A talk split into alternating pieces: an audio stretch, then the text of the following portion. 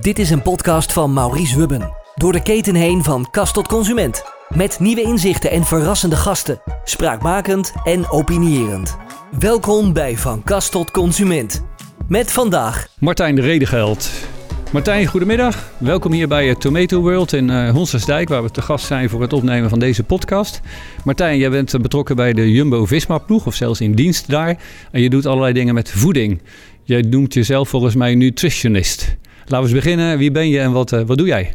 Ja, klopt, dankjewel. Ik, uh, ik ben inderdaad Martijn en nou, op mijn visitekaartje staat inderdaad nutritionist. Maar uh, laten we het gewoon voedingsdeskundige noemen. En niet, niet te ingewikkeld maken. Ja. Maar het klopt inderdaad dat ik, dat ik verbonden ben in die, in die rol aan Team Jumbo-Visma. met name aan de, de wielerploeg. Ja, we gaan het vooral over wielrennen hebben vandaag. Wat minder over schaatsen, geloof ik, hè? Ja, klopt inderdaad. De schaatstak, dat, dat valt wel onder de ploeg. Maar daar is iemand anders, ja, die doet dat ding daar. Ja. Um, dus wat ik inderdaad op dagelijkse basis doe, is, uh, is alles wat met voeding te maken heeft, uh, zo goed mogelijk voor de ploeg regelen. Dus ik begeleid onze renners daarmee, uh, maar ook bijvoorbeeld onze, ja, onze chef-koks stuur ik aan. Um, en ik zorg ervoor dat, dat ook het overkoepelende beleid binnen de ploeg rondom voeding, dat dat zo goed mogelijk ja, georganiseerd is. En dat we daarin ook vooral stappen blijven maken om, ja, om telkens een stapje beter te worden. Oké, wat is je opleiding? Waar kom je vandaan? Uh, nou, ik heb mijn opleidingen uh, aan de Wageningen Universiteit gedaan. Welke uh, opleiding? Welk gedeelte? Welke? Um, een bachelor voeding en gezondheid. Ja. Um, eigenlijk heel breed, gewoon van alles en nog wat wat met voeding en het menselijk lichaam te maken had. mijn master dat was nutritional physiology. Dus daar gingen we iets meer in op de, ja, de fysiologie van het menselijk lichaam en heb ik zoveel mogelijk de richting sport gekozen. Ehm, nadien ja, heb ik, heb ik eigenlijk nog met een aantal cursussen en bijscholingen mezelf uh, nog meer richting sport en later richting wielrennen ja. Um, ja, doorontwikkeld. En je bent volgens mij hiervoor bezig geweest voor een andere befaamde wielerploeg. Klopt inderdaad, ja. ja. Eigenlijk ben ik in het wielerwereldje terechtgekomen. Um, ja, inmiddels is dat ruim drie jaar geleden of drieënhalf jaar geleden. Um, bij de Koning Quickstep. Uh, dus een uh, Vlaamse wielerploeg. Um, Nicky Terpstra. Nicky Terpstra daar inderdaad nog uh, onder andere in de ploeg gehad. En uh, ja, ook een super, super leuke ploeg. Uh, heel succesvol. Ja, een mooie tijd gehad en is ook een goede eerste stap om in de wielrennerij terecht te komen. En nu sinds, sinds iets meer dan een jaar in dienst van Jumbo-Visma. Ja. Wat vind je nou het allerleukste aan je dagelijkse werk?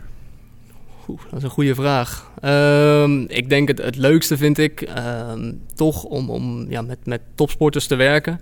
En wat mij ja, heel erg intrigeert is om in een team van, van allerlei specialisten, hè, dus bijvoorbeeld met trainers of met, met specialisten op het gebied van, van materialen en fietsen, um, om eigenlijk gezamenlijk tot een, tot een plan te komen. Um, ja, om, om onze prestaties te verbeteren of om een renner misschien een, procentje uh, te verbeteren. En vaak gaat het maar om hele kleine winstmarges. Uh, maar juist het zoeken naar die marges ja, vind ik superleuk. En uh, ja, dat kan uiteindelijk een gigantisch prestatievoordeel opleveren, ook al gaat het maar om een procentje. Ja, snap ik. Um, ik maak deze podcast vooral vanuit het oogpunt van groente en fruit, toch de sector waarin ik werk. Wat heb jij zelf met groente en fruit? Wat uh, vind je daar leuk of mooi aan of helemaal niet fijn aan? Even persoonlijk. Nou, persoonlijk, uh, ik, ik, eet het graag. Um, ik zie ook dat je sportief bent hoor. wat, wat doe je voor sport? Ja, nee, ik, ik, ik, fiets zelf ook graag, met name als het wat mooier weer is. Ja. Uh, in deze tijd van het jaar loop ik het liever hard. Um, maar als ik moet kiezen, dan toch het liefst fietsen, inderdaad. Um, ja, daarnaast natuurlijk vanuit mijn achtergrond uh, van, en, en, kennis over voeding... Um, ja, kan ik het natuurlijk niet maken om, uh, om niet ook met mijn groente en fruit bezig te zijn. dus dat vormt zeker voor mezelf nou, gewoon een belangrijk onderdeel van mijn dagelijkse uh, inname. Ja. Kom je aan die 250 gram die het, die het voedingscentrum propageert? Ja, ik, uh, tenminste als ik thuis ben, kom ik daar gemakkelijk aan. Als ik inderdaad met de, met de ploeg op pad ben en we nou, noem je een Tour de France zitten, dan is dat vaak iets lastiger. Dan ben je uh, overgeleverd aan wat er ter plaatse beschikbaar is. Ja. En vaak zie je dan dat, het, uh, ja, dat groente en fruit een van de eerste dingen is waarin in bezuinigd wordt, om het zo te zeggen. Ja. Maar nee, als ik thuis ben, dan, dan zeker. Ja. Is er een uh, bepaalde groente die jij uh, qua uh, inhoudstof of wat dan ook uh, favoriet vindt? Waarvan je zeker weet van joh, als je dat eet, dat is toch, staat in de top drie van de gezondste groenten? Vanuit jouw oogpunt? Nou, ik zou eigenlijk niet een top drie of een, of een gezondste groente willen noemen. ik, ik, denk dat het, ja, dat, of tenminste in mijn ogen is het belangrijkste gewoon vooral veel variatie aan te brengen. Ja, ja. als we de hele dag een bepaalde soort zouden eten, dan, ja, dan krijgen we misschien heel veel van een, van een bepaalde stof ook binnen.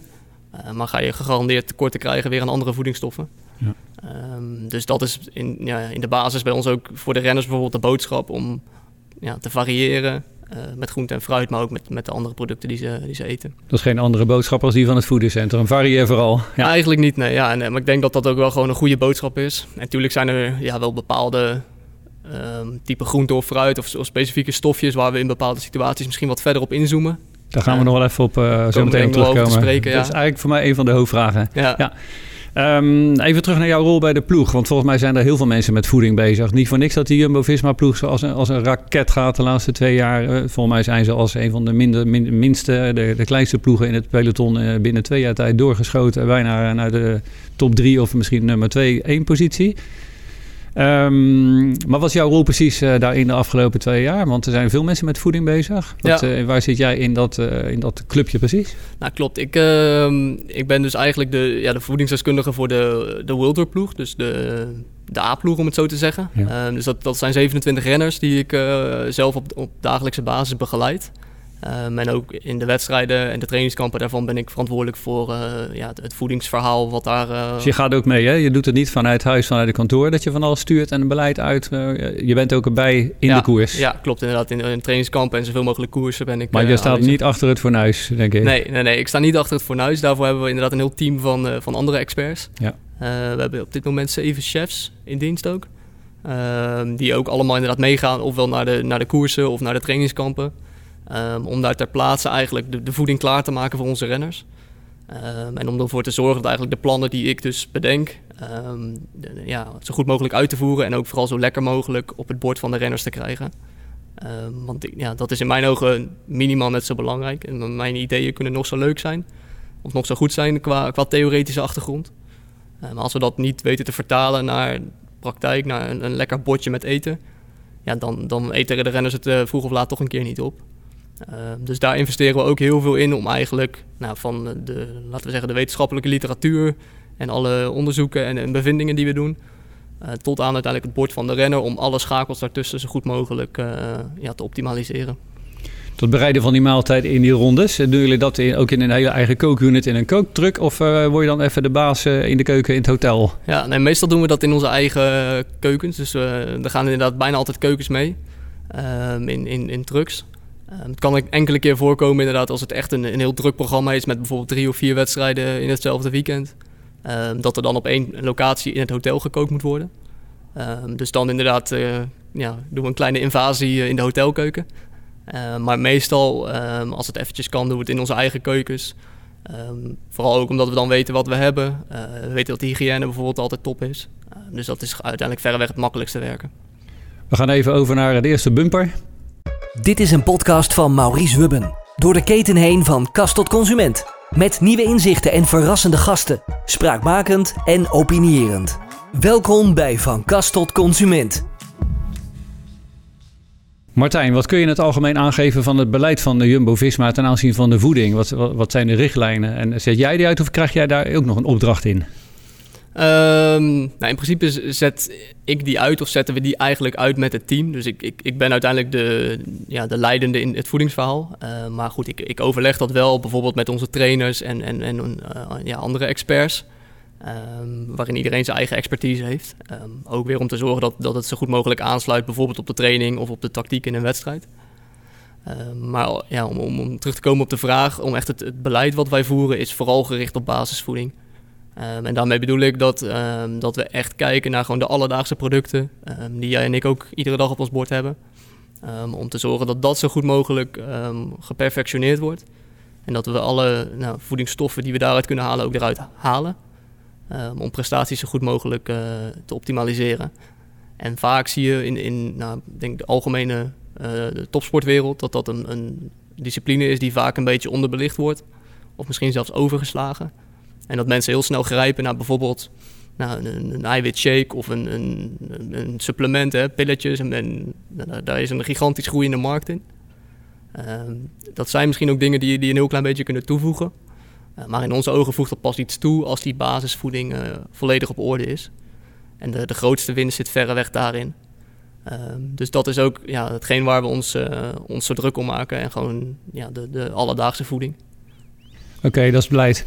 Welke stap hebben jullie de laatste jaren gezet uh, hierin? Want uh, je bent niet voor niks zo succesvol. Het heeft met de fietsen te maken, de trainingsmethode, van alles. Maar voeding, jij kan het antwoord geven, maar heeft hier toch zeker ook een rol in gespeeld? Wat heb je gedaan? Ja, nou, het is goed. Het is lastig natuurlijk om dat heel specifiek aan te wijzen. Maar ik, ik durf wel te zeggen dat voeding daar zeker een belangrijke rol in heeft gespeeld. Uh, wat er eigenlijk gebeurd is de afgelopen jaren, is dat we dus uh, ja, heel stelselmatig op die basisvoeding zijn gaan focussen. En dat ook met name um, op, op heel individueel niveau uh, toepassen. Dus we gaan echt iedere renner helemaal bekijken. Uh, wat heeft hij nodig? Waar rendeert hij het beste bij? Um, hoe ziet bijvoorbeeld zijn trainingsschema eruit om exact de voeding op dat schema uh, af te stemmen? Um, en ik denk dat we daar um, ja, een hele grote stap in hebben gezet.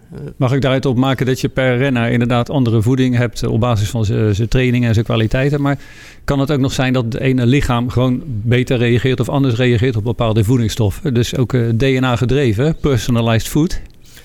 Ja, personalized food zeker. DNA gedreven ook wel een beetje. Uh, maar daar, daar wil ik een beetje van wegblijven. Voornamelijk omdat dat een, een gebied is waar we gewoon nog te weinig over weten.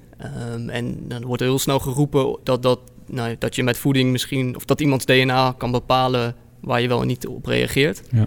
Nou, dat is misschien voor een paar voedingsstofjes is dat zo. Maar voor heel veel dingen weten we het gewoon nog niet. Um, maar goed, we, ja, we maken het zeker persoonlijk. We kijken bijvoorbeeld in, in detail naar het, het energieverbruik van een renner tijdens een training of tijdens een wedstrijd. En we kijken precies welke soorten brandstof die dan verbrandt in die training of in die wedstrijd. Um, en ook natuurlijk vragen we ook feedback van de renners. Hè. Als, als een renner zegt van nou, ik voel me niet zo goed um, bij een appel, maar wel bij een peer, om een heel gek voorbeeld te noemen. Ja, dan gaan we natuurlijk niet die appels blijven geven. Dus ook daarin proberen we heel erg mee te denken uh, met het gevoel en met de, met de voorkeuren van een renner. Is het nog belangrijk, Martijn, wat een renner lekker vindt? Zeker, ja. In onze ogen is dat cruciaal zelfs. Dus dat, is, dat is ook de, de, reden waarom we veel met eigen chefs werken. Um, die ook hun eigen maaltijden ontwikkelen. Um, nou, ik, ik, kan wel, ik durf wel te zeggen dat het, het gemiddelde hotel eten in bijvoorbeeld een Tour de France... Nou, dat is niet uh, om over naar huis te schrijven. Nee, de Franse keuken heeft een goede naam, maar die kom je geloof ik niet in alle hotels die tegen. Die kom je zeker niet tegen, nee. Dat is, uh, dat is uh, ja, redelijk om te huilen. Ja. Um, dus ja, als je geen koks meeneemt, dan zijn de renners ook overgeleverd aan dat eten. Ja. Um, daarom tegenwoordig hebben we in principe alle teams wel een eigen kok mee. Uh, maar wij investeren daar echt heel veel in om echt uh, specifieke recepten, maaltijden te ontwerpen. Uh, waarvan we weten, nou, enerzijds dat ze dus perfect voldoen aan alle voedingskundige eisen die we eraan stellen. Maar anderzijds ook vooral voldoen aan de, ja, de wensen van de renners. Wat ze lekker vinden, met variatie erin. En niemand wil drie weken hetzelfde eten. Um, ja, bijvoorbeeld als het heel koud is, ja, dan heeft, heb je, ben je sneller geneigd om bepaalde dingen te eten dan wanneer het heel warm is. Uh, dus met allerlei ja, van dat soort factoren proberen we echt rekening te houden als we die, uh, die maaltijden ontwerpen. Jullie hebben een enorme stijging gemaakt en heel veel geleerd en uh, een paar dingen veranderd, et cetera. Je bent nu off-season weer, denk ik, het seizoen aan het evalueren en misschien weer het voorbereiden op het nieuwe seizoen. Wat kan je zeggen over waar jij zelf nog denkt wat, uh, waar nog wat verbeterpunten zijn aan te brengen? Want het kan toch altijd beter, Martijn? Ja, nee, ik denk dat uh, dat is ook een van onze kernpunten, dat het altijd beter kan. Um, en ik denk in de topsport, als je die, die mindset niet hebt, dan, uh, dan is het ook weer snel gedaan met het succes. Ja. Um, waar ik denk dat het nog beter kan, dat is vooral, um, ik denk dat het nog veel persoonlijker of individueler toegespitst kan worden. En ik denk bijvoorbeeld het voordeel van ja, DNA, genetica, dat dat iets is waar we misschien binnen nu en tien jaar, misschien zelfs binnen vijf jaar al veel meer uh, mee kunnen doen. Um, en nog, ja, zo kun je denk ik nog heel veel andere dingen testen en meten aan het menselijk lichaam. Om uiteindelijk de voedingsinname, maar bijvoorbeeld ook de trainingen uh, nog veel individueler af te stemmen. Um, en daar proberen we nu al in, in voorop te lopen. Uh, maar ik denk dat daar ja, de komende jaren echt nog heel veel stappen in gezet gaan worden. Hebben jullie ook nog externe expertise waar je met bepaalde vragen nog uh, terecht kan uh, als zelfs uh, jij het niet weet? Zeker, zeker. Ja. We, um, we hebben een, een, consultant eigenlijk, Asker Jeukendrup. Um, ja, dat is een, een gerenommeerde sport. die naam al gehoord, ja. Ja, ja? gerenommeerde sportvoedingswetenschapper. Nou, is ook bijvoorbeeld hoofd van het Nederlands Olympisch team qua voeding. in het verleden bij, nou, bij Barcelona, bij grote voetbalclubs. Um, nou, heel veel grote atleten begeleid. Um, en die is ook al jaren verbonden aan, uh, aan Jumbo-Visma. Um, dus inderdaad, als we echt complexe vraagstukken hebben... of inderdaad op zoek zijn naar nog de nieuwste innovatie... dan, uh, dan is dat iemand waar we nou, gretig een beroep op doen. Ja. En daarnaast hebben we ook nog wel wat samenwerkingen lopen... met bijvoorbeeld een aantal universiteiten in Nederland. Ehm, om soms onderzoeksprojecten samen te doen of om soms gebruik te kunnen maken van bepaalde nou, faciliteiten die ze daar hebben. Ehm, dus ja, op die manier is het ook zeker belangrijk om, uh, om een goed netwerk te hebben. Goed zo. Uh, even terug naar die groenten en fruit. Welke rol spelen die groenten en fruit nou specifiek in de, in de voedingsthema's? Kan je daar iets over zeggen? En de volgende vraag gaat worden: ligt er eens één of twee groenten of fruiten uit waarvan je zegt, ja, die zijn heel belangrijk vanwege die of die ja. eigenschappen, inhoudstoffen? Nou, dat is, dat is zeker heel belangrijk. En ik denk dat het, uh, het begint inderdaad gewoon met voldoende uh, en gevarieerd in totaliteit. Um, en nou, we weten allemaal dat als we dat niet doen, hè, stel we zouden een Tour de France drie weken lang met te weinig groente en fruit in het algemeen rijden, dan worden in de derde week worden veel meer renners ziek. Uh, het, immuunsysteem dat, dat staat al heel zwaar onder druk.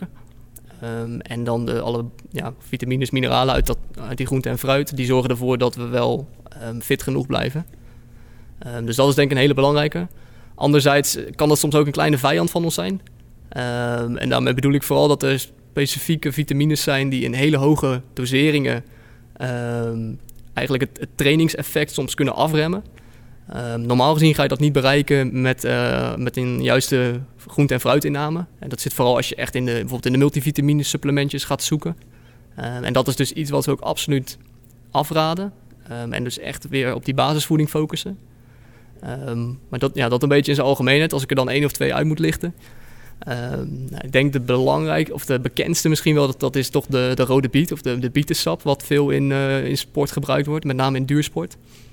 Um, en die is bekend geworden vanwege het stofje nitraat wat erin zit. Um, nou, dat stofje dat zorgt eigenlijk voor een aantal omzettingen in het lichaam. dat ons, onze spieren wat efficiënter uh, het zuurstof kunnen gebruiken. Met andere woorden, als je nou, aan het afzien bent op de fiets en uh, je, ademt een bepaalde hoeveelheid zuurstof in, dan kan uh, dat nitraat ervoor zorgen dat je met die hoeveelheid zuurstof net wat meer spierkracht kan leveren. Dus eigenlijk net wat harder kan gaan. Um, en uh, dat, dat zit onder andere in rode biet. Um, maar naar mij weten zit dat ook nou, heel veel bijvoorbeeld in rucola, in paprika, um, in rabarber bijvoorbeeld.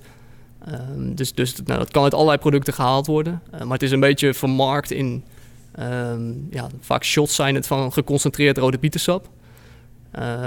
Dus dat is denk ik een, een heel leuk voorbeeld. Ik heb dat Jacques, eh, Jacques Ory ook horen vertellen vorig jaar op een uh, groentecongres. En uh, dus voor de schaatsers geldt dat in ieder geval ook, denk ik dan. Ja, ja nee, dat wordt inderdaad in, in breed in de sport en met name de wat, ja, wat duur sporten uh, wordt dat echt veel gebruikt. Heb je nog een voorbeeld? Um,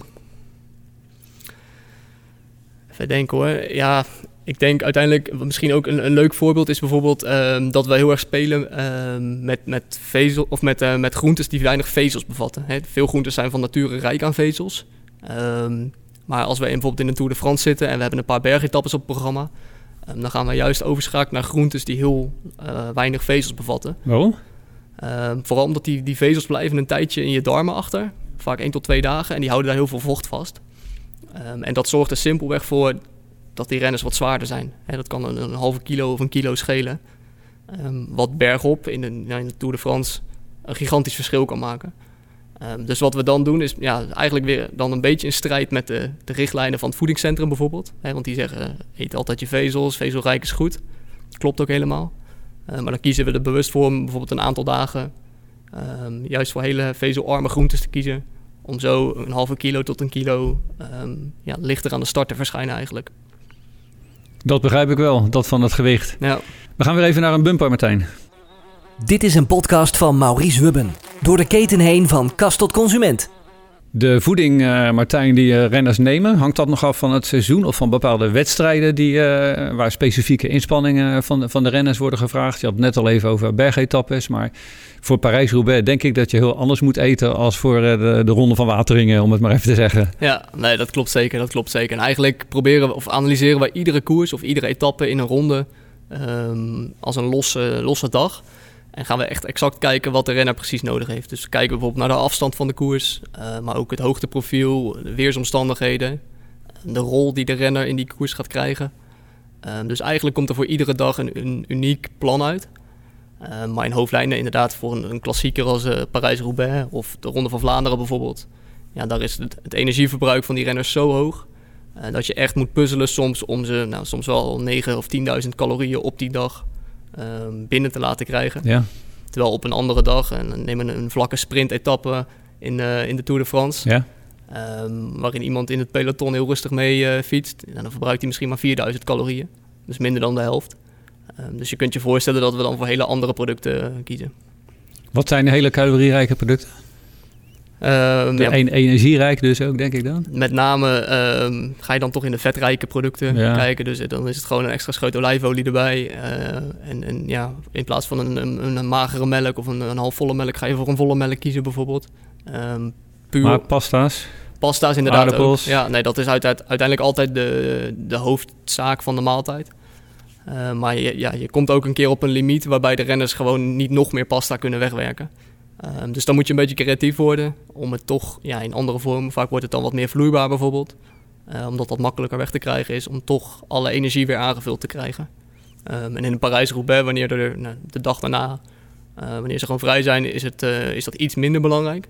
Maar in de Tour de France, wanneer de dag daarna weer een belangrijke dag op programma staat, ja, dan, is het, dan kun je geen steekjes laten vallen. Nee, dat begrijp ik. Eigenlijk hoor ik jou zeggen, joh, het is heel wat om een renner eh, zoveel mogelijk weer die calorieën te laten bijladen. Tegelijkertijd heb ik uh, wel beelden bij de Tour gezien dat ik renners uh, na aflopen een bordje zag opscheppen met, met de Jumbo-app in de hand, et cetera. Dat ik wel dacht van, nou, Wout van Aert, moet je, moet je er daar nou mee doen? heb, heb je niet dat de renners uh, af en toe gewoon maar maximaal mogen eten omdat ze anders te zwaar worden? Of komt dat gewoon echt niet voor? Um, nou, komt weinig voor. Ik moet wel zeggen, natuurlijk in deze tijd van het jaar eh, ja, vallen ze niet onder schema's of, of, of, restricties. Dus in deze tijd van het jaar geniet iedereen gewoon van de dingen waar hij zin in heeft. Ook... Nou, die beelden heb ik niet gezien. Ik zag het echt tijdens, tijdens de koers, ja. ja. Nou goed, dan, dan normaal gesproken tijdens de koers en zeker tijdens een grote ronde... Um, gaan er wel altijd serieuze hoeveelheden uh, energie naar binnen. Uh, maar het klopt inderdaad wel dat ook daar hele grote verschillen in kunnen zitten van dag tot dag. Um, en dat renners soms ook wel eens inderdaad nou, klagen of moeite hebben met um, een, relatief kleine maaltijd. Um, gelukkig, door, doordat we dit nu ja, een jaar of twee, drie doen, hebben de renners ook wel de ervaring um, dat ze weten dat dat goed is voor ze. dat datgene wat ze opscheppen, ook al voelt het misschien als weinig, dat het wel voldoende is. en dat ze ja, de volgende dag daar gewoon goed op kunnen presteren, goed op kunnen herstellen. maar we zeggen er ook natuurlijk altijd bij, hè, we kunnen alles zo mooi berekenen en, en uitdenken. Um, maar dat komt niet in de buurt met ja, je, je, gevoel van je eigen lichaam. Dus als een renner inderdaad echt nog honger heeft, um, dan houdt niemand hem tegen om, uh, om nog extra te pakken. Sterker nog, dan sporen we dat aan om, uh, om toch wat aan te vullen omdat het, ja, het menselijk lichaam, uh, het gevoel daarvan, dat, dat is uiteindelijk... ja, het hongergevoel heb je niet voor niks. Precies. Nee, nee. Um, we hadden het net al even, al even over dat jij vooral bezig bent met de renners. Uh, de schaatsers uh, hebben een andere voedingsdeskundige. Kan jij wel zien, wijkt uh, het voedingspatroon van schaatsers echt heel erg af? Of qua spierenopbouw en de benodigdheden daarvoor? Ja. Of zitten er echt wel parallellen tussen? Nee, het wijkt wel. Ja, natuurlijk zitten er in de basis veel parallellen tussen, maar het wijkt echt wel heel erg af. Um, en schaats, of, ja, schaatsen is veel meer een krachtsport. Je, je, ziet het al aan een schaatsen, die zijn veel gespierder. Um, die doen veel meer aan krachttraining en ook bijvoorbeeld hun trainingen zijn veel korter. Hè, waar onze mannen gemiddeld uh, ja, 20 tot 30 uur in de week trainen, is dat bij een schaatsen misschien maximaal de helft. Schaatsen is, of uh, wielrennen is nog veel meer een duursport dan schaatsen. Ja, ja, ja. En schaatsen is veel meer een krachtsport. Dus dan zie je dat inderdaad nou, bijvoorbeeld de totale hoeveelheid calorieën bij de schaatsers veel lager ligt. Uh, maar bijvoorbeeld de focus op eiwitten voor die spieropbouw bij de schaatsers weer wat hoger is. Um, terwijl bij de wielrenners bijvoorbeeld de focus veel meer op de koolhydraten, dus op de, de pasta's en de rijst en aardappels en dat soort dingen, uh, veel nadrukkelijker ligt. Even heel kort terug. Ik heb ineens een flashback naar uh, de Flandriëns van 30 jaar geleden. Voor de echte wielerfans die weten dat. Toen was echt het verhaal voor de wielrenner die moet biefstuk eten. Ja. Een lekker groot stuk biefstuk eten. Maar ik hoorde ook iets over in de broek op de zeem. Zit er nog steeds een rol voor vlees in het voedingsschema? Jazeker, die zit er nog steeds. Ja. Uh, misschien niet meer de biefstuk bij het ontbijt, want dat, uh, dat is toch wel inmiddels een klein beetje achterhaald. Ja. Um, maar er is zeker nog een rol voor vlees of voor vis of, uh, of dat soort producten. Liever nog vis dan vlees? Hoe zit jij daarin? Um, nou, vanuit een voedingskundig oogpunt heb ik daar niet een heel sterke voorkeur in. Um, uiteindelijk kunnen ze dezelfde bouwstoffen, met name die eiwitten, leveren. en ook daarin is mijn mening weer, probeer daarin wat te variëren. Um, en ook inderdaad wel af te wisselen met ook af en toe eens een keer vegetarisch of af en toe eens een keer een eitje bijvoorbeeld. Um, en dat is ook iets wat we sterk met onze, uh, onze maaltijden van de chefs bijvoorbeeld um, ja, in die variatie meenemen. Uh, maar uiteindelijk is het wel belangrijk dat een renner uh, zijn eiwitten binnenkrijgt. en eiwitten halen we nou eenmaal toch simpelweg het, het makkelijkst uit vlees of vis. Of eventueel heb, je nog, heb je nog voorkeur voor wit of rood vlees? Rood vlees? Ehm, ja, in principe wit vlees. Dat is wat makkelijker verteerbaar. Uh, vaak ook bevat dat wat minder calorieën, is wat minder vet. Ehm, maar goed, ook, ja, we moeten ook in het wielrennen vaak denken aan de, de moraal, zoals dat in de sport heet. Ja. Um, en dan is een biefstukje op zijn tijd, kan soms ook heel veel goed doen uh, in het koppie. En uiteindelijk is dat ook iets om, om rekening mee te houden. Um, maar goed, ja, zeker niet iedere dag met biefstuk. Als het gaat over iets goeds doen in het koppie, af en toe winnen die mannen van Jumbo-Visma wel eens. Dan zie je ook dat er s'avonds champagne wordt uh, gedronken. Dat, dat mag dan even. Hebben renners daar nou last van? Of mag je dat echt wel vieren en is dat alleen maar hartstikke best? Misschien uh, voor het lijf even minder, maar voor het koppie des te beter. Ja, nee, ik denk dat laatste sowieso. Hè, dat is echt een, uh, om het teamgevoel nog sterker te benadrukken. Uh, en je ziet ook, als je, als je dat bekijkt, zie je vaak dat het merendeel van de renners bij het proosten misschien een klein slokje neemt en daarna de rest laat staan. En als ze het opdrinken, dan is het maximaal een glaasje. Laten ze staan omdat ze het geen eens lekker vinden of omdat ze denken, joh, daar heb ik last van morgen. Ja, nou goed, ik denk dat ze er niet zozeer last van hebben. Maar ik denk dat het, het idee dat het misschien van invloed gaat zijn op de prestatie de volgende dag, dat, dat, dat ze het dan allemaal niet meer waard vinden om het op te drinken. Dat snap ik. ja. ja. ja. Um, tussen de wedstrijden door, we zijn nu ook helemaal off-season. Uh, hoe, hoe, vrij zijn de renners om te eten wat ze willen en gewoon rustig even een paar kilo's aan te komen. En uh, gewoon even de schade van het genieten van, het, van de voeding, eventueel met het gezin, op vakantie eens even lekker in te halen. Ja, nou in, in deze tijd worden, moedig ik ze echt aan om dat te doen. Ja? ja de meeste jongens die staan natuurlijk in het wedstrijdseizoen echt op een, op een heel laag gewicht. natuurlijk monitoren we dat altijd goed, dat het wel gewoon binnen de gezonde grens blijft. Heb ik zo meteen nog een vraag over. Oké. Ja. Um, maar goed, het is wel laag. En uh, dat is niet iets om, uh, om 365 dagen per jaar vol te houden. Uh, laat staan een, een, carrière van misschien 15 jaar lang aan één stuk vol te houden. Ehm, dus dat, dat fluctueert en dat is nou, in deze tijd van het jaar het ideale moment om een paar kilo er, erbij aan te doen. En ook om gewoon vooral even te relaxen. Hè. Er zijn geen trainingsschema's. Die jongens gaan op vakantie, dus er zijn ook geen voedingsschema's. Um, en die kunnen een keer uit eten gaan. Die kunnen lekker genieten met, inderdaad met het gezin of de familie. Uh, want daar moeten ze door het seizoen heen al uh, ja, vaak momenten mee missen. Uh, dus iedereen heeft zeker, nou, laten we zeggen, zes tot acht weken ehm, complete rust van dat soort dingen. Dus die post die ik gisteren van Robert Geesink, jouw collega, zag tijdens de training van het eten, dat is, daar, word jij niet, daar word jij niet verontrust van? Nee, nee, nee zeker niet. We zijn, kijken, nog steeds begin december. Dus nou, op dit moment mag dat nog natuurlijk. Als we straks een beetje na de feestdagen, dan moet wel weer echt een serieuze blik erop. maar ook tijdens het seizoen ja, kunnen dat soort maaltijden zeker nog, uh, nog ertussen passen. Wat is de beste manier voor die renners om dan weer de kilo's, uh, als ze er al aan zijn gekomen, er weer af te krijgen? Uh, nou, goed plan met mij maken, zeg ik altijd. Ja. ja. Het, het, belangrijkste daarbij is dat dat nou, volgens een, een, goed plan verloopt dus. Waarbij het vooral niet te snel gaat. Soms hebben mensen de neiging om, die willen 2, 3 kilo verliezen op twee of drie weken. Nou, dat, dat kan, maar dat is gewoon nooit de beste manier. Ehm, is dat te snel? Veel te snel, ja, ja. veel te snel. Ja, meestal. niet zoveel. Nee, dat vind ik veelzeggend eigenlijk. Ja? Mijn, mijn maatstaf is eigenlijk een beetje proberen ongeveer een kilo op een maand maximaal te verliezen. Um, en natuurlijk, als, er, als het gaat om mensen misschien met 30 kilo overgewicht, dan gaat het iets gemakkelijker. Um, maar bij die wielrenners, waarbij ze dus nou, misschien in totaliteit maximaal nog 2 kilo kunnen verliezen, ja, dan wil je echt niet dat dat ook op twee weken gebeurt. Um, ja, dan breek je bijvoorbeeld je spieren af. Dan kun je er ook van uitgaan dat die in die twee weken um, onvoldoende energie heeft gehad om zijn trainingen goed uit te voeren. En, en dat soort ja, problemen krijg je dan. Um, dus ja, we doen dat echt volgens een plan. We kijken wanneer een renner uiteindelijk de belangrijkste wedstrijden in het seizoen heeft. En daar gaan we naartoe werken. Um, maar dan zorgen we in ieder geval dat hij heel geleidelijk zijn gewicht verliest. Waarin hij inderdaad momenten, misschien een, ja, een dieet of een, een voedingsschema volgt. Maar ook waarin er zeker af en toe tijd is om, uh, ja, om nog wel een keer te kunnen genieten. Ja, snap ik. Die uh, de Jumbo-Visma-ploeg is als een komeet omhoog geschoten op allerlei vlakken. Uh, denken jullie dat jullie qua voeding nu al gewoon uh, ongeveer het beste beleid hebben? Of zijn er nog steeds ploegen waarvan je denkt, joh, dat zouden wij ook wel willen kunnen leren? Nee, ik denk wel dat wij dat we het beste ja? voedingsstructuur hebben binnen het wielrennen. En ik durf zelf wel te zeggen dat we um, in de totale sport misschien wel in de top 3 of misschien de top 5 um, van de wereld staan. Ik denk echt dat er, uh, dat er heel veel andere ploegen met veel jaloezie naar ons kijken. En maar wat nieuwsgierig zijn uh, hoe we dat doen. Um, maar goed, wat we net al bespraken, tegelijkertijd ja, moeten we daar ook niet te lang bij stilstaan. En moeten we vooral door blijven ontwikkelen en zien waar, we kunnen steeds, verbeteren. snap ik, ja. Ehm, we hadden het net al even over dat sommige renners uh, niet zoveel wegen. Dat ze, zoals wij dat in wielertermen noemen, scherp staan. Dat ziet er ook wel echt uh, goed uit. En uh, ik denk dat je veel makkelijker natuurlijk kan klimmen of wat dan ook. Maar wat is, wat is de ondergrens? is, is het sowieso de tendens dat renners minder wegen en daardoor beter presteren? Is dat een wet van mede en persen?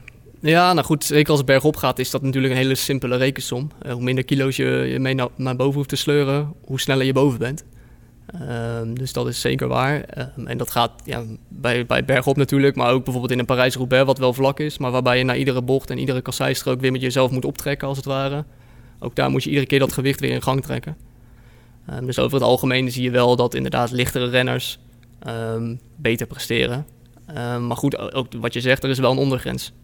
Dus het is niet dat je uh, ja, ongelimiteerd gewicht kunt verliezen en maar beter blijft worden. Bewaken jullie dat? Of bij wie ligt die verantwoordelijkheid om dat te bewaken? Bij de renners of bij jullie? Nou ja, dat, dat is mijn verantwoordelijkheid. Ja. Uh, deels ook de trainer en uiteindelijk ook de renner zelf natuurlijk. Uh, dus we doen dat echt in een, in een driehoeksverhouding.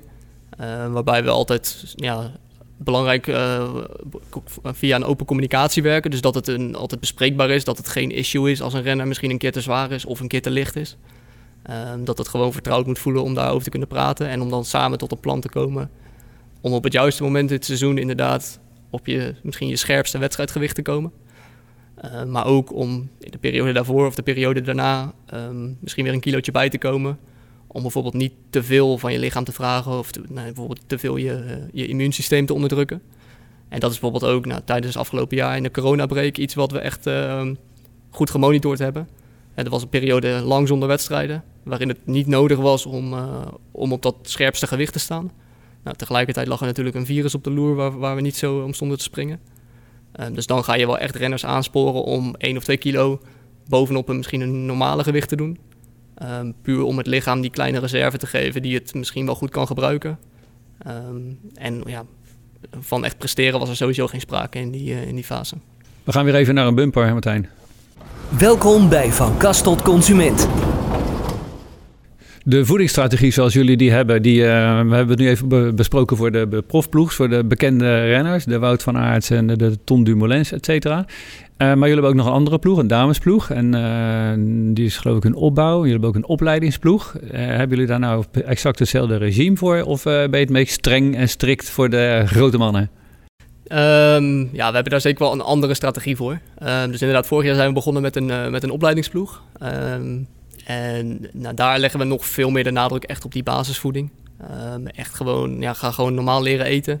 Uh, zorg dat je een normale structuur voor jezelf kunt opbouwen. Moet, moeten renners op die leeftijd weer terug naar normaal leren eten? Zijn ze al zover van uh, nou, dat, het gezonde voedingspadje? Dat wisselt, dat wisselt. Maar eigenlijk denk ik dat dat bij die, op die leeftijd dat het nog dichterbij staat van wat we willen dan bijvoorbeeld een renner van, van een jaar of dertig die nieuw in de ploeg komt. Ja. Want dan schrik ik soms echt van, uh, ja, van gewoontes die door de jaren heen erin zijn geslopen. En dat zijn dan bijvoorbeeld wat voor gewoontes? Nou, ik denk misschien om een, een concreet voorbeeld te noemen. Uh, in het wielrennen is een, nou, een, jaar of vijf geleden was het echt hip om um, zoveel mogelijk je koolhydraten te beperken. Um, altijd maar ja, zorgen dat je eigenlijk met een hongerklop terugkwam van training. Uh, dan een kommetje sla eten. Uh, maar vooral ja, die koolhydraten niet aanvullen. Um, in die tijd werd gedacht dat dat, uh, dat, dat je verder ging helpen. Um, nou, inmiddels weten we dat dat niet het geval is. Maar goed, je ziet toch dat dat soort uh, gewoontes bij veel renners die, die op hoog niveau rijden, uh, er toch nog in zitten. Um, dus dat is, ja, daar heb ik soms meer werk aan dan inderdaad een jonge gast van 17 of 18 jaar. gewoon uit te leggen waarom die zijn groente en fruit moet eten. Of waarom het belangrijk is om af en toe wat zuivelproducten te nemen. Dus ja, daar zit wel een verschil in. Um, maar uiteraard, die jonge gasten laten we er veel vrijer in. Um, die mo moeten spelenderwijs nog een beetje leren. Um, ook hun eigen lichaam nog leren kennen. en daar zit inderdaad veel meer druk achter. Ook bijvoorbeeld als het gaat om dat gewicht. Gaan we nog zeker niet uh, op zoek naar, uh, naar wat ze minimaal zouden kunnen wegen. Moeten ze wel zich committeren aan het uh, beleid van de ploeg? Uh, als bepaalde renners zeggen, joh, ik heb altijd heel goed, uh, dat geldt namelijk voor mij, ik, ik doe het heel goed op pannenkoeken met suiker. Dat, en dat, als je dan met Martijn in gesprek gaat en die zegt... joh Maurice, jij laat die pannenkoek en die suiker voortaan maar eens even lekker staan. Jij gaat je committeren. Moet, moeten renners dat doen? Hoe vrij zijn ze daarin? Ja, nee, in principe iedereen is vrij om het wel of niet te volgen. Ja. En nou, het is ook absoluut geen, geen tool bijvoorbeeld om ze mee te controleren of wat dan ook. Um, het is echt een, een hulpmiddel om ze beter te maken. Um, en natuurlijk proberen we de renners wel ervan te overtuigen waarom wij denken dat het uh, goed is om volgens een bepaalde manier te werken. Um, maar ja, zoals ik net al zei, ook de, de voorkeuren van renners kunnen we daar zeker in integreren. Dus als jij inderdaad zegt van nou, ik, ik rij goed op een pannenkoek met suiker, dan gaan we kijken hoe we dat toch zo goed mogelijk erin kunnen zetten. Uh, maar de ervaring is wel dat eigenlijk gedurende de afgelopen jaren renners meer en meer door hun eigen ervaringen en eigen prestaties gewoon overtuigd zijn geraakt van de manier van werken. Um, en nou, toen, ze twee of drie jaar geleden begonnen, uh, bijvoorbeeld met het afwegen van een weegschaaltje bij het buffet, ja, toen stond iedereen daar met, die, met zijn telefoon in zijn handen te kijken van ja, moet ik hier nou echt uh, mijn eten gaan afwegen? en er werd lacherig over gedaan en zo en zo. Um, maar ja, nu uh, is het eigenlijk omgekeerd. Nu vragen de renners van, joh, waar zijn de weegschalen? Mogen we alsjeblieft weer afwegen? En nu kijken inderdaad de andere ploegen, die misschien in dezelfde eetzaal zitten, die kijken eigenlijk met jaloezie naar hoe het bij ons uh, eraan toe ja, gaat. dat maak je mee, ja. Ja, dus het is in een paar jaar tijd is dat uh, eigenlijk gewoon door eigen ervaring, ja, hebben we de renners kunnen overtuigen. En de resultaten. Ja. ja. Um, je hebt het over de opleidingsploeg gehad en de rennersploeg. Uh, dames geldt daar, uh, sportende dames. Want wij onder de luisteraars hebben wij straks ook wel uh, dames, denk ik en hoop ik, Martijn. Is Ja. er voor dames andere voedingsadviezen? Of valt dat wel mee? Nee, het valt op zich wel mee. In principe, een, een vrouwenlichaam werkt niet heel veel anders dan een mannenlichaam als het op, op sport aankomt. Natuurlijk zijn er wel, um, ja, bijvoorbeeld in het wielrennen, een vrouwenwedstrijd duurt een stuk korter. Een vrouw verbruikt sowieso minder energie. Dus als je gaat kijken naar energieverbruik, is dat bij een vrouw een stuk lager. Um, en zo zijn er nog wel wat verschillen natuurlijk. Um, daarnaast ja, denk ik dat, dat uh, de, de kijk van vrouwen op voeding sowieso anders is dan de algemene kijk van mannen op voeding. En vrouwen zijn denk ik over het algemeen er een, iets meer op gefocust. Dat kan een voordeel zijn, maar dat kan soms ook een, een, een gevaar zijn. Vrouwen vinden chocola heel lekker. Precies. Ja. Wat zeg jij dan?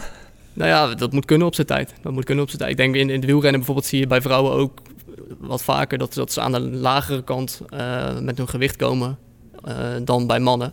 Um, dus dat zijn bijvoorbeeld wel dingen waar we extra um, ja, naar kijken. Maar het is niet dat we da dat uiteindelijk op een andere manier gaan aanpakken, omdat de lichamen min of meer hetzelfde uh, werken. Ik had net even over die pannenkoeken met suiker. Nou geldt er in de hele maatschappij geloof ik, uh, suiker is het nieuwe gif. Hoe slecht is suiker nou? Jij weet dat. Um, ja, nou, suiker is zeker niet slecht. Sterker nog, als ik uh, geen suiker in mijn, uh, in mijn keukenkastje had staan van, de, van onze kooptrucks, dan hadden wij nooit de Vuelta gewonnen of hadden wij nooit de tweede in de Tour kunnen worden. Um, en als ik nou, zou gaan optellen hoeveel gram of hoeveel kilo suiker die renners op een dag soms eten, um, ja, dan is dat, uh, daar zul je stijl van achterover slaan. Um, uiteindelijk is dat voor een duursporter gewoon de brandstofvorm die ze nodig hebben om op hoog niveau te presteren. maar dan hangt het er misschien vanaf in welke vorm je het inneemt. Ja, deels in welke vorm. Um, en ook deels vooral, het, het, gaat er vooral om dat je wel weet wat je lichaam nodig heeft. He, dus, dus als ik naar mezelf kijk, ik zit helaas vooral toch stil achter mijn bureau uh, als ik aan het werk ben. Ja, dan moet ik niet dezelfde hoeveelheid suiker gaan eten als Tom Dumoulin die 4, 5 uur op een dag op zijn fiets zit. Um, want dan ja, zou het wel het nieuwe vergif, om het zo te zeggen, kunnen worden. Um, uiteindelijk ben ik absoluut uh, niet van mening dat, dat suiker vergif is. Maar ja, uiteindelijk een teveel van, van wat dan ook is niet goed. Um, en of dat nou suiker of vet is, um, ja, dat, dat maakt dan iets minder uit. Uh, maar als je echt fysiologisch op een wielrenner gaat inzoomen... en welke brandstof gebruikt hij nou, met name op de beslissende momenten in een wedstrijd... dan zijn dat altijd suikers. Dus die, die moet je gewoon hebben. Die jelletjes die die renners wel eens uh, nemen, tijdens, of heel vaak nemen tijdens de uh, rit... Voor de snelle, dat is toch voor de snelle suikers? Ja, ja, dat is voor de snelle suikers. Inderdaad, in de bidonnen zit ook een sportdrank. Eigenlijk gewoon de identieke snelle suikers. Um, ja, dat is niet zo heel spannend, maar dat is gewoon doordat het vloeibaar is, um, wordt dat gewoon razendsnel in je lichaam uh, opgenomen. Um, en als je bijvoorbeeld een, bruine boterham uh, met jam zou nemen, ja, dan zijn het eigenlijk, het wordt afgebroken in je lichaam tot dezelfde suikermoleculen. dus uiteindelijk heeft het deze, hetzelfde effect in je lichaam. Alleen het, het, verteringsproces en het opnameproces duurt veel langer. Uh, waardoor je enerzijds minder snel die energie beschikbaar hebt. Maar anderzijds wel wat langer uh, een vol gevoel hebt. Dus het hangt heel erg af van, van wat je doel is. Of je inderdaad moet kiezen voor een jelletje of een bruine boterham. Of ja, wat dan ook. Met pindakaas, ja. Die, um, van, van fruit wordt wel eens gezegd van... joh, groente en fruit zijn gezond, dat weet iedereen wel. Maar als je van fruit een nadeeltje mag noemen... is het wel, wel dat er hier en daar nog wel wat veel suikers in zitten. Maar dan kan ik me dus voorstellen dat jullie die er misschien juist uitkiezen... even een goede hap blauwe bessen of lekkere zoete aardbeien... of wat dan ook, om toch even snel die suikers toe te nemen. Hoe kijk jij naar die groep uh, fruit? Ja, nou goed, de, de soorten fruit die je noemt, die zijn juist weer heel arm aan suiker. Ehm, maar inderdaad, als we dat vergelijken, nou, een banaan is misschien het meest bekende voorbeeld. Veel, veel wielrenners die, eh, die steken die in hun achterzak. Ja. Ook inderdaad als we bij ons in de wedstrijden gewoon nog. Ehm, Ja, bananen doen het nog steeds goed. Als, die doen, eh, het, doen het nog steeds goed, ja. ja, ja. Op trainingen of in wedstrijden gaan die, eh, gaan die zeker nog mee. maar vooraf of achteraf of tijdens? Wanneer zijn ze het meest effectief? Nou, ik zou vooraf of tijdens. Het is, is echt die, die brandstof, die koolhydraten, die wil je eh, dan aanvullen. Ehm, dus die gaan, ja, het is gemakkelijk om in je achterzak te steken. Dus die gaan dan mee. Ehm, en dat is inderdaad een voorbeeld van een, een type fruit wat veel suiker bevat. In- daarmee is het zeker niet slecht. Hè. Voor, voor een wielrenner kan het juist de beste keus zijn. Ehm, maar goed, voor mezelf, als ik dus de hele dag achter mijn bureau zit en ik, ik beschouw twee bananen als twee stuks fruit, ja, dan heb ik toch best wel wat suiker voor, voor heel die dag stil te zitten binnen. Een beetje veel dus. Ja, dus dan kan je misschien beter kiezen voor een appel of een sinaasappel of, of iets anders. Ehm, maar ook daarin zou ik zeggen, gewoon voor de, de gemiddelde Nederlander, probeer vooral een beetje lekker te variëren. Wees je inderdaad bewust dat er wel wat verschillen zitten tussen het een en het andere soort. Ehm, en wil je dat inderdaad meer in een sportieve context toepassen, ja, ga dan echt eens kijken van, hey, zit er nou veel, veel suiker in of weinig suiker in?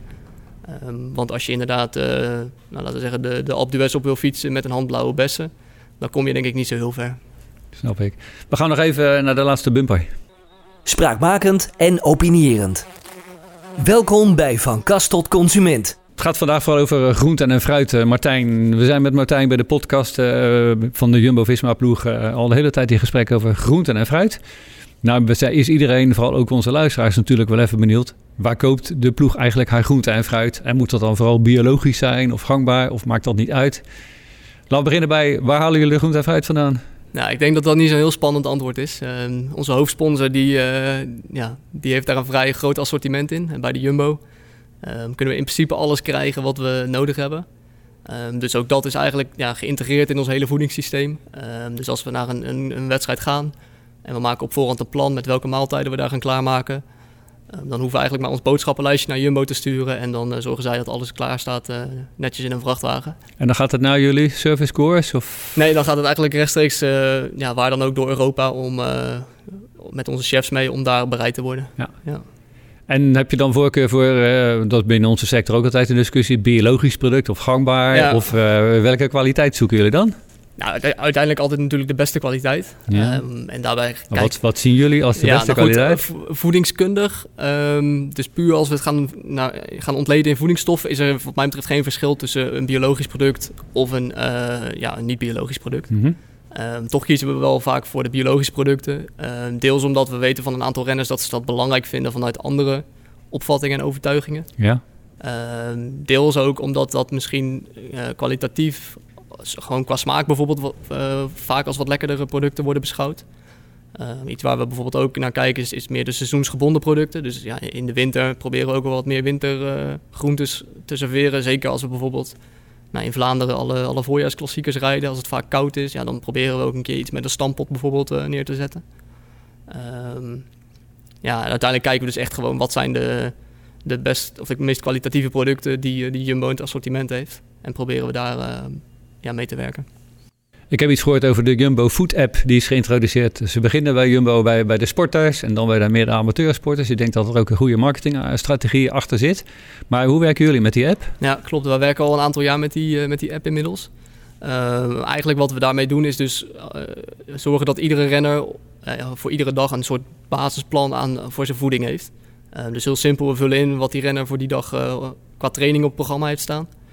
Ehm, nou, daar zitten allerlei slimme algoritmes achter die we samen met Jumbo eh, ontwikkeld hebben. Ehm, en daar rolt dan een, een, plan uit eh, waar, waarin een renner kan zien, nou, bij het ontbijt moet ik bijvoorbeeld zoveel calorieën eten, zoveel koolhydraten, et cetera. En binnen die, die behoeftes kan hij dan ook kiezen uit een hele lijst met, eh, met recepten of met maaltijden. Dus kan hij eigenlijk zijn favoriete ontbijtje bijvoorbeeld eruit kiezen. En dan ziet hij precies hoeveel hij van alle verschillende ingrediënten op moet scheppen om tot zijn ehm, ja, persoonlijke behoeften te komen. Ehm, nou, we hebben dat bij ons nu drie, of nou, een kleine drie jaar geleden geïntroduceerd. Ehm, dat was met vallen en opstaan. Dat was, eh, ja, we, hebben zelf ook veel geleerd daarvan. En inderdaad ook om een renner te overtuigen om met een appje in de keuken en een weegschaal te gaan staan. Dat was ook niet gemakkelijk. Ehm, maar gelukkig al vrij snel zagen de renners echt dat het, eh, ja, dat het effect had.